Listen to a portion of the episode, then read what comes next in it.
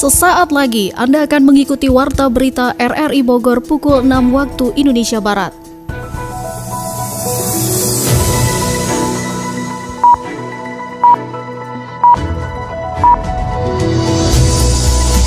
Selamat pagi dan salam jumpa. Kami kembali hadir dalam Warta Berita RRI Bogor pagi ini Sabtu 2 September 2023. Siaran ini juga dapat Anda dengarkan melalui audio streaming RRI Play pada perangkat Android Anda, serta pula dapat Anda dengarkan kembali melalui podcast kami di Spotify, Anchor, Hotel, dan juga Google Podcast. Berikut kami sampaikan berita utama. Bey Mahmudin diprediksi akan menjadi penjabat Gubernur Jawa Barat. Sosok pekerja keras, pekerja keras yang sangat familiar sering berkoordinasi dengan Pak B, terutama kalau ada kegiatan-kegiatan presiden. Membuat sebuah skripsi bagi calon lulusan mahasiswa S1 ke depan tidak lagi menjadi suatu kewajiban. Bagi saya sih memang sebaiknya skripsi itu bisa saja tidak diwajibkan, tapi bukan berarti mahasiswa langsung lulus begitu saja. Kota Bogor siap menjadi tuan rumah Pekan Olahraga Provinsi Jawa Barat 2026.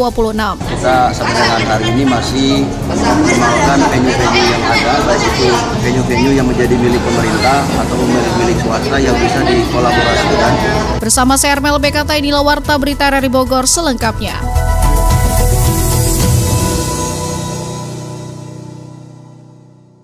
Deputi Bidang Protokol Pers dan Media Sekretariat Presiden B. Mahmudin diprediksi akan menjadi penjabat Gubernur Jawa Barat. Sonia Gung Saputra melaporkan. Deputi Bidang Protokol Pers dan Media Sekretariat Presiden B. Mahmudi diprediksi akan menjadi pejabat Gubernur Jawa Barat. Wali Kota Bogor Bima Arya mengaku saat ini menunggu keputusan resmi dari Presiden Republik Indonesia Joko Widodo tentang adanya pejabat Gubernur Jawa Barat. Selama ini sosok yang digaungkan B. Mahmudin merupakan pekerja keras yang sudah banyak bekerja sama dengan pemerintah Kota Bogor dalam banyak hal. Dengan keluasan dan kooperatif sehingga bisa mensukseskan berbagai agenda kenegaraan yang berlangsung surat resmi itu kan baru info. Ya Pak B ya yang saya tahu sosok yang sosok pekerja keras, pekerja keras yang sangat familiar sering berkoordinasi dengan Pak B, terutama kalau ada kegiatan-kegiatan presiden. Pada kegiatan-kegiatan presiden kami sering berkoordinasi dan sangat sangat mudah berkoordinasi dengan Pak B.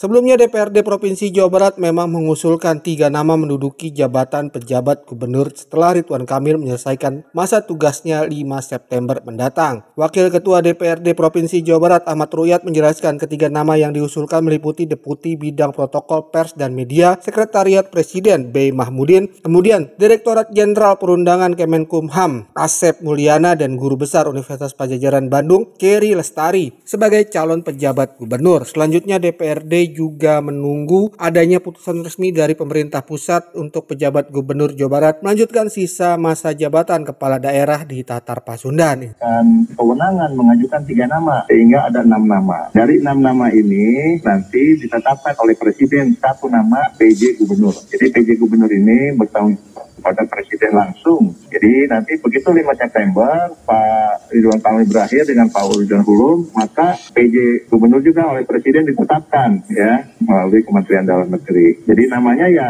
kewenangan pusat. Demikian pula di kabupaten kota. Kalau kabupaten kota, DPRD kabupaten kota mengajukan tiga nama. Kemudian Gubernur mengajukan tiga nama dalam hal ini Provinsi Jawa Barat. Kemudian Kemendagri mengajukan tiga nama. Jadi ada sembilan nama. Nanti ditentukan satu nama oleh Presiden. DPRD Jawa Barat juga siap bersinergi dengan berbagai pihak terutama dengan pejabat Gubernur Jawa Barat untuk bisa membuat solusi dari berbagai permasalahan di Tatar Pasundan. Membuat sebuah skripsi bagi calon lulusan mahasiswa S1 ke depan tidak lagi menjadi suatu kewajiban. Ikuti laporan Yofri Haryadi. Peraturan baru Kementerian Pendidikan dan Kebudayaan Ristek yang tidak mewajibkan skripsi untuk calon lulusan mahasiswa S1 ternyata sudah tidak asing lagi diterapkan di IPB University. Sejak 2019 lalu IPB telah menerapkan kepada sebagian mahasiswanya tidak hanya membuat skripsi saja sebagai syarat kelulusan dan meraih gelar sarjana. Seperti diungkapkan Rektor IPB University Profesor Arif Satria usai pembukaan Dies Natalis IPB ke-60 di Graha Widya Wisuda Kampus Dramaga Bogor. Setiap mahasiswa memiliki passion yang berbeda dengan keleluasaan memilih program atau proyek yang menjadi syarat lulusan menjadi modal bagi para mahasiswa setelah lulus nanti. Soal skripsi itu, memang pada tahun 2019 kita sudah mengeluarkan panduan. Panduan bagi sarjana dan juga diploma bahwa tugas akhir itu tidak harus berbentuk skripsi yang berbasis riset, tapi bisa laporan magang, bisa laporan dari pengembangan masyarakat di lapangan, bisa dari riset, juga bisa dari bisnis plan. Jadi masyarakat mahasiswa yang misalnya punya passion dalam bidang pengembangan masyarakat, maka dia lakukan pengembangan masyarakat selama satu semester, itu bisa langsung diklaim sebagai tugas akhir. Namun syaratnya tetap mereka harus membuat laporan akhir yang tidak serumit kalau skripsi riset. Laporan akhir untuk apa? Melatih skill agar dia bisa menuangkan pengalaman-pengalamannya dalam bentuk tulisan yang mudah dibaca dan memenuhi standar-standar akademik. Jika kebijakan menteri tersebut benar-benar diterapkan di perguruan tinggi negeri, tentunya akan berbeda dengan perguruan tinggi swasta yang memiliki kebijakan tersendiri sesuai dengan kurikulum yang tengah dijalankan. Salah seorang akademisi dari perguruan tinggi swasta Universitas Juanda, Robi Firliandoko, MSI, sepakat dengan peraturan baru tersebut dengan membuat karya bidang sesuai minat dan program studi yang sedang ditempuh. Bagi saya sih memang sebaiknya skripsi itu bisa saja tidak diwajibkan, tapi bukan berarti mahasiswa langsung lulus begitu saja, tapi ada juga pilihan yaitu namanya karya bidang atau bikin project. Jadi justru itu ketika bikin project atau karya bidang bisa saja mahasiswa membuat itu sesuai bidangnya masing-masing. Jadi misalnya yang jurusan ilmu komunikasi, jurnalistik dia bisa aja bikin liputan, bikin liputan TV, bikin majalah atau bikin podcast misalnya, lalu juga bisa bikin event atau bikin campaign atau dengan ketika Pak Menteri menyatakan lulus itu tidak harus dengan karya ilmiah atau skripsi, setuju dan kalau bisa ada pilihan lain yaitu karya bidang, membuat proyek. Sementara itu mahasiswa swasta asal Bogor Wahyu menambahkan membuat skripsi justru tidak banyak digunakan pasca mahasiswa lulus nanti karena sangat jarang hasil skripsi dipublikasikan pada jurnal ilmiah dan hanya menumpuk di pojok perpustakaan. Skripsi kalau terus-terusan diadakan itu tidak semuanya skripsi itu bakal dipergunakan dengan baik sesudah kita kumpulkan. Bahkan banyak kampus-kampus yang skripsi tersebut sesudahnya dikumpulkan tidak terpakai lagi gitu. Karena jarang juga skripsi hasil penelitian mahasiswa itu diteruskan ke jurnal. Pemerintah melalui Kemendikbud Ristek Dikti tidak sepenuhnya menghapus skripsi, tesis atau disertasi sebagai syarat kelulusan mahasiswa yang dituangkan dalam peraturan Mendikbud Ristek nomor 53 tahun 2023 tentang penjamin mutu pendidikan tinggi. Hal tersebut ditujukan untuk meningkatkan daya saing dan kreativitas yang mengakselerasi antara dunia akademis dengan minat mahasiswa serta perkembangan zaman. Saudara dalam kegiatan yang sama juga disebutkan bahwa pendidikan tinggi kini memiliki tantangan yang berat menghadapi disrupsi dan perubahan yang penuh ketidakpastian. Mengapa demikian? Kembali Yofri Haryadi menurunkan catatannya. Pendidikan tinggi kini memiliki tantangan yang berat menghadapi disrupsi dan perubahan yang penuh ketidakpastian. Salah satunya adalah perkembangan artificial intelligence AI yang kini merubah paradigma dalam pemenuhan sumber daya manusia khususnya pada dunia industri. Hal tersebut menjadi topik pembukaan Dies Natalis IPB University ke-60 di Gedung Graha Widya Wisuda Dramaga Bogor. Disampaikan Ketua Majelis Wali Amanat MWA IPB Profesor Tridoyo Kusumastanto. Perubahan dan ketidakpastian tersebut sudah pernah dilewati dan akan dihadapi di masa mendatang. Ancaman krisis pangan, pandemi COVID-19 serta disrupsi dalam perkembangan informatika dijawab dengan adaptasi yang cepat melalui program studi baru yang dibuka. IPB terus mampu mengembangkan kapasitas dan kapabilitas dalam menghadapi tantangan disrupsi yang sudah dan masih terus kita hadapi berlangsung sampai saat ini dengan cepat. Baik Industrial Revolution 4.0, 5.0 sekarang, pandemi, konflik global, perubahan iklim yang berdampak kepada tekanan global dan nasional dalam kompleksitas baru dan ketidakpastian, khususnya di bidang pangan, energi, kesehatan, dan perekonomian maupun krisis baru yang harus disiapkan solusinya Menjawab berbagai tantangan itu pun, Rektor IPB Profesor Arif Satria mengungkapkan di hadapan ratusan peserta pembukaan Dies Natalis ke-60 berencana membuka program studi berupa sekolah khusus Artificial Intelligence untuk menjawab tantangan global. Rektor IPB itu pun mengungkapkan jika pesaing universitas di masa mendatang adalah Google serta sertifikasi mikro kredensial yang diberikan perusahaan kepada peserta pelatihan serta dijamin langsung bekerja. Hasil survei misalnya membuktikan bahwa Google, Google adalah sebuah lembaga yang menyediakan fasilitas orang mendapatkan sertifikat. Mikrokredensial adalah bentuk ketidakpercayaan industri terhadap perguruan tinggi. Industri-industri besar menginginkan para employee adalah orang-orang yang memiliki skill yang dibutuhkan oleh, yang dibutuhkan oleh industri. Google tadi dengan enam bulan maka akan dijanjikan mendapatkan pekerjaan.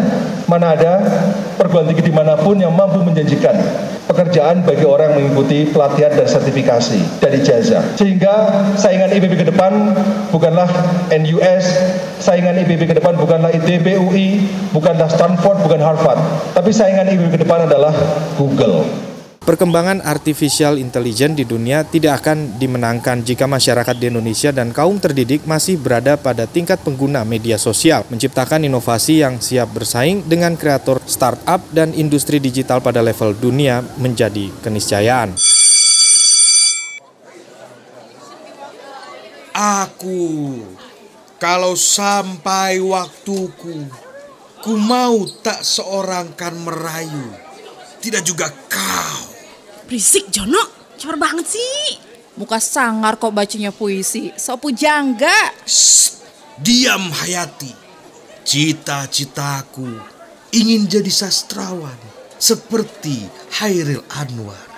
Emang masih ada yang baca dan dengar puisi, John? Ah, nyepelein nih. Film ADC 2, puisi yang dibacain sama Rangga, tahu gak itu karyanya siapa? Karyanya Aan Mansur. Terelie. Novelnya tuh ya diangkat jadi film tuh. Judul filmnya Hafalan Sholat Delisa. Satu lagi deh, Firsa Bersari. Dia itu punya buku, terus lirik-lirik lagunya puitis juga. Lagu kan di pasaran? Eh. Hmm, Wi, jawab tuh Wi. Aku nggak tahu mau jawab apa. Sama aku juga. John, John, ada gak sih puisi tentang cinta? Banyak nih buku sakti puisi aku. Coba-coba lihat. Nih, asik juga kan baca-baca puisi. Dinas Sosial Dinsos Kota Bogor menjaring seorang pengemis laki-laki dari sekitar alun-alun Kota Bogor pada hari Kamis sore. Hal tersebut dilakukan setelah mendapatkan laporan dari masyarakat yang resah akan keberadaan pengemis itu. Adi Fajar melaporkan. Dinas Sosial Kota Bogor menjaring seorang pengemis laki-laki dari sekitar alun-alun Kota Bogor pada Kamis sore. Hal itu dilakukan setelah mendapatkan laporan dari masyarakat yang resah akan keberadaan pengemis itu. Kepala Bidang Rehabilitasi Dinas Sosial Kota Bogor, Dodi Wahyudin mengatakan pria tanpa identitas itu diperkirakan berusia sekitar 25 tahun. Pengemis tersebut merupakan pengidap disabilitas intelektual dan tunawicara. Petugas pun terkejut ketika memeriksa saku celana pengemis itu dan menemukan gepokan uang yang sudah dilipat sedemikian rupa di dalam plastik dan dimasukkan ke dalam kantong celana yang dirangkap sebanyak 5 celana. Setelah dicek, jumlah uang tersebut sekitar kurang lebih 50 juta rupiah. Kami dari Dinas Sosial Kota Bogor mendapati kembali seorang pengemis di alun-alun yang emang kita evakuasi atas uh, pengaduan dari masyarakat karena agak mengganggu para pengunjung. Jadi saat kita akan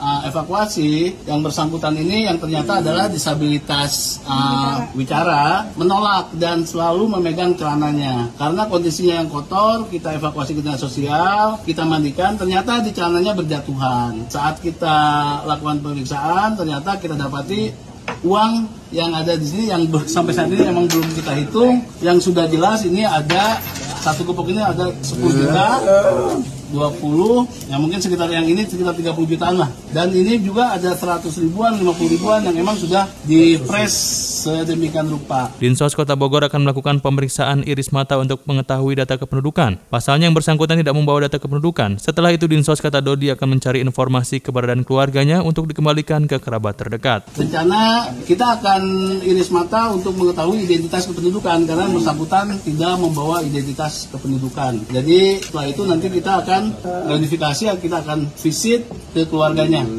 Sementara uang puluhan juta itu pun dikembalikan kepada pengemis tersebut setelah dihitung oleh petugas. Selanjutnya Dinsos Kota Bogor akan menghubungi yayasan terkait agar pria itu tidak kembali mengemis di Kota Bogor. Pemanfaatan insenerator pabrikan dipastikan dapat memperkecil dampak buruk pembakaran sampah seperti kepulan asap yang mengganggu dan berbahaya. Yofri Haryadi kembali melaporkan. Pengadaan insenerator sampah di desa sangat dibutuhkan untuk tata kelola sampah yang lebih baik. Membakar sampah ternyata adalah cara yang paling umum dilakukan masyarakat dalam menuntaskan persoalan sampah rumah tangga, terutama di daerah pelosok pedesaan. Seperti di Desa Cihideng Udik, Kecamatan Ciampea, Kabupaten Bogor, berbagai program dalam pengelolaan sampah sudah pernah diterapkan, mulai dari bank sampah, memilah sampah, dan lain sebagainya. Dan pada akhirnya masyarakat kembali membakar sampah seperti sedia kala. Kepala Desa Cihideng Udik, Denny mengungkapkan ada sebuah perangkat insenerator yang dapat diaplikasikan dan membutuhkan sokongan anggaran untuk mendapatkannya. Harus ada solusi yang memang sekiranya spekulasi dengan inovasi teknologi mesin untuk pengelolaan dan penanggulangan. Karena kalau enggak ekspor di situ, masalah ya mungkin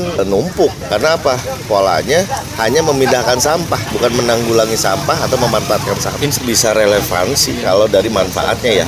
Cuman nggak hanya beli habis kan, tapi kemanfaatannya kontinuitas dirasakan. Pemanfaatan insenerator pabrikan dipastikan dapat memperkecil dampak buruk pembakaran sampah seperti kepulan asap yang mengganggu dan berbahaya, resiko kebakaran termasuk juga residu yang dihasilkan dari sisa pembakaran tersebut. Beberapa opsi lain seperti membangun instalasi dengan biaya sekitar 20 juta rupiah dapat direalisasikan namun membutuhkan peran DPRD dari dapil setempat mendorong alokasi anggarannya. Dewan juga di sini kan harus berperan juga anggota dewan kan gitu. Karena keluhan rakyat yang harus disolusikan oleh wakil rakyat terlebih kenapa nggak dibuka keran CSR CSR untuk kemanfaatan yang ada banyak banyak. Insenerator pabrikan yang banyak ditawarkan dibanderol 200 juta rupiah oleh vendornya. Masyarakat selama ini dipungut sekitar 5 hingga 10 ribu rupiah per bulan untuk mengangkut sampah mereka ke TPA Galuga yang dinilai tidak menyelesaikan persoalan sampah namun hanya memindahkan saja ke tempat lain.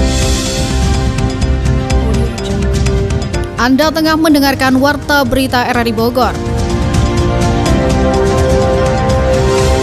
Berita Ekonomi Lonjakan harga beras diduga disebabkan akibat kenaikan harga gabah kering giling dan gabah kering panen. BPS mencatat indeks harga konsumen Indonesia deflasi 0,02 persen sepanjang Agustus 2023. Informasi ekonomi selengkapnya disampaikan Adi Fajar Nugraha. Deputi Bidang Statistik Distribusi dan Jasa Badan Pusat Statistik BPS Puji Ismartini mengatakan, lonjakan harga beras disebabkan kenaikan harga gabah kering giling atau GKG dan gabah kering panen atau GKP. Di antaranya fenomena yang diperoleh adalah adanya persaingan penawaran harga oleh pembeli gabah itu sendiri baik kepada petani maupun penggilingan. Sementara produksi beras saat ini cenderung turun karena sudah melewati masa panen pada Juli lalu. Menurut data BPS, luas panen di Agustus 2023 turun 1,55 persen dibandingkan bulan sebelumnya. BPS mencatat harga beras eceran naik 1,43 persen secara bulan ke bulan atau 13,76 persen secara tahun ke tahun pada Agustus 2023. Puji mengatakan kenaikan harga beras tidak hanya terjadi di tingkat eceran, melainkan juga di level grosir dan penggilingan. Sementara itu kenaikan harga beras tertinggi terjadi di tingkat penggilingan mencapai 2,59 persen secara bulanan dan meroket 20,27 persen secara tahunan. Harga gabah di tingkat petani juga meningkat pada Agustus 2023. Harga gabah kering panen atau GKP naik 3,62 persen secara bulanan dan naik 19,88 persen secara tahunan. Badan Pusat Statistik BPS juga mencatat indeks harga konsumen Indonesia deflasi 0,02 persen sepanjang Agustus 2023. Deflasi ini tidak jauh lebih dalam dari bulan yang sama pada tahun lalu yang mencapai 0,21 persen. Deputi Bidang Statistik Distribusi dan Jasa BPS Puji Smartini mengatakan secara tahunan inflasi Indonesia mencapai 3,27 persen pada Agustus 2023. Realisasi ini naik dibandingkan Juli 2023 yang tercatat 3,08 persen. Jika dilihat secara series deflasi Agustus 2023 sejalan dengan kondisi tahun lalu yaitu Agustus 2023 2022 dengan tingkat deflasi lebih rendah yakni 0,21 persen. Penyumbang deflasi bulanan terbesar pada bulan lalu adalah makanan dan minuman dan tembakau. Berita olahraga. Ketua Bidang Prestasi Komite Olahraga Nasional Indonesia KONI Kota Bogor Yudi Wahyudi memastikan bahwa kesiapan Kota Bogor menjadi tuan rumah Pekan Olahraga Provinsi Jawa Barat tahun 2026 sudah sangat siap. Menurutnya monitoring dan inventarisir venue saat ini terus dilakukan Pemkot Bogor melalui Dispora. Aspirasi dari cabang olahraga juga sudah dilakukan terkait venue yang akan digunakan terlebih Kota Bogor secara umum pada Porprov 2026 mendatang mempunyai 25 cabang olahraga andalan yang diprediksi bisa meraih 100 medali emas. Hal ini yang menjadi prioritas KONI Kota Bogor sehingga untuk cabang olahraga cabang olahraga bela diri maupun cabang olahraga terukur nantinya akan digelar di Kota Bogor. Saat ini KONI Kota Bogor menaungi 52 cabang olahraga. Siapaan Kota Bogor sebagai tuan rumah 2026 kita sampai dengan hari ini masih mengoptimalkan venue-venue baik itu venue-venue yang menjadi milik pemerintah atau milik-milik swasta yang bisa dikolaborasikan karena secara umum kota Bogor itu untuk 25 cabang olahraga itu bisa meraih minimal 100 emas untuk 25 cabang olahraga saja. Sedangkan sekarang kota Bogor sendiri memiliki 52 cabang olahraga dan tentunya tidak bisa semuanya di kota Bogor. Harus kita mengkolaborasikan dengan daerah-daerah lain dijadikan sebagai daerah-daerah penyangga khususnya venue-venue yang karakteristiknya menguatkan potensi-potensi alam seperti dayung, para para layang yang kota Bogor sendiri belum punya.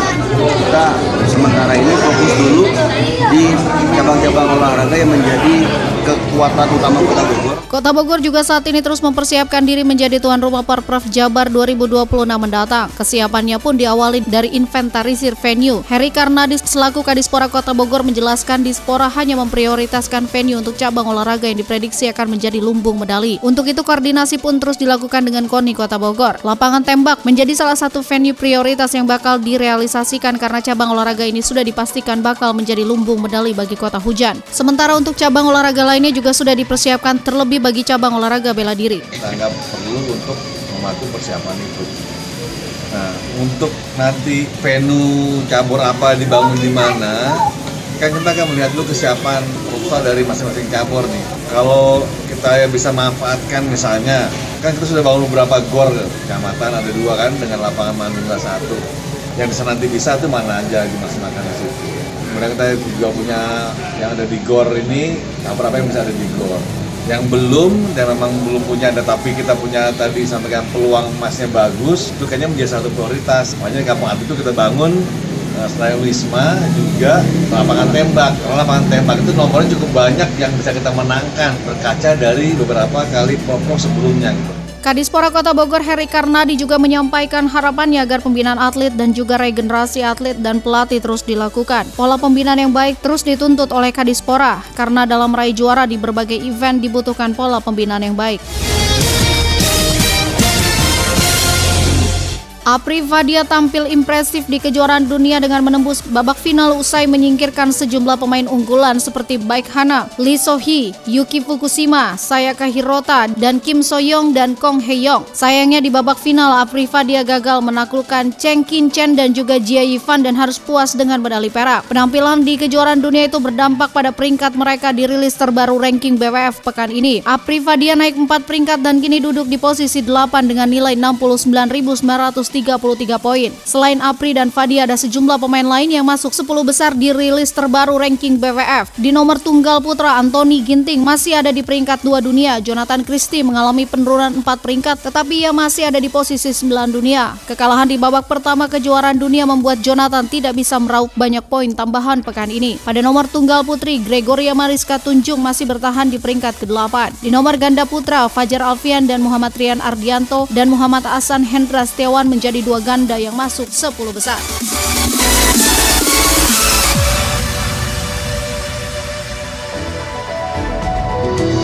Saudara informasi olahraga tadi sekaligus menutup perjumpaan kita lewat Warta Berita Radio Bogor di pagi hari ini. Sekali lagi kami sampaikan berita utama.